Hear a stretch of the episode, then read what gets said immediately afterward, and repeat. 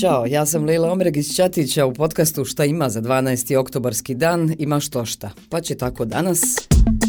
Ministar bezbjednosti Bosne i Hercegovine Nenad Nešić na vanrednoj preskonferenciji prezentovati informacije sigurnosnih agencija o boravku Kristijana Šmita u Bosni i Hercegovini, pa svakako tokom dana pratite slobodnaevropa.org.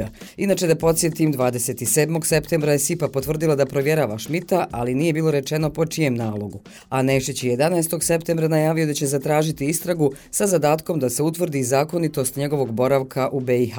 Tada je naveo da je od službe za poslove sa strancima dobio informaciju da je Šmitov boravak u BiH upitan i da nije u skladu sa zakonom. A vijeće za provedbu mira je u istom mjesecu saopštilo da odbacuje sve pokušaje podrivanja legitimiteta OHR-a i podsjeća na svoju raniju odluku o Šmitovom imenovanju.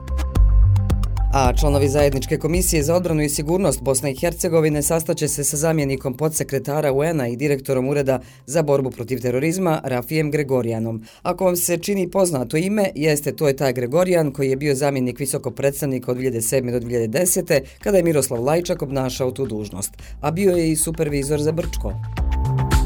O situaciji u Izraelu će pred ministrima odbrane članica NATO-a govoriti njihov kolega iz ove zemlje Joao Galant. Inače, u Briselu je drugi dan sastanka na kojem 30 ministara odbrane država članica razgovara o brojnim izazovima sa kojima se suočava Sjevernoatlantska alijansa.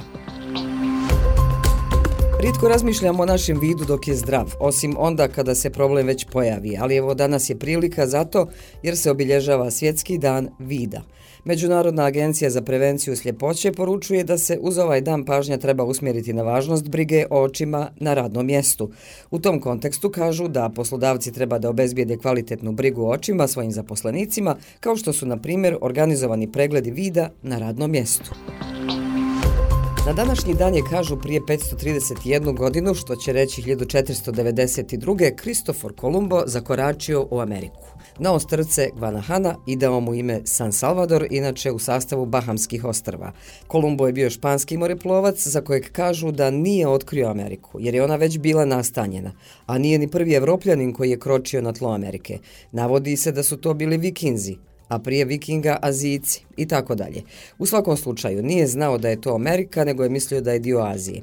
Onda ga je demantovao Amerigove spući, koji je isto tako oplovio i vidio, skontao i otkriće nazvao novim svijetom. A po njemu je Amerika i dobila ime. Ipak koga god pitate kaže Kolumbo otkrio Ameriku. Ali isto tako, kad smo ironični prema nekome koje nešto saznao što već svi znaju, kažemo Dobro jutro Kolumbo. I toliko od mene za današnje izdanje šta imanja. Dođite nam opet sutra, znate gdje smo. Ajde, čao.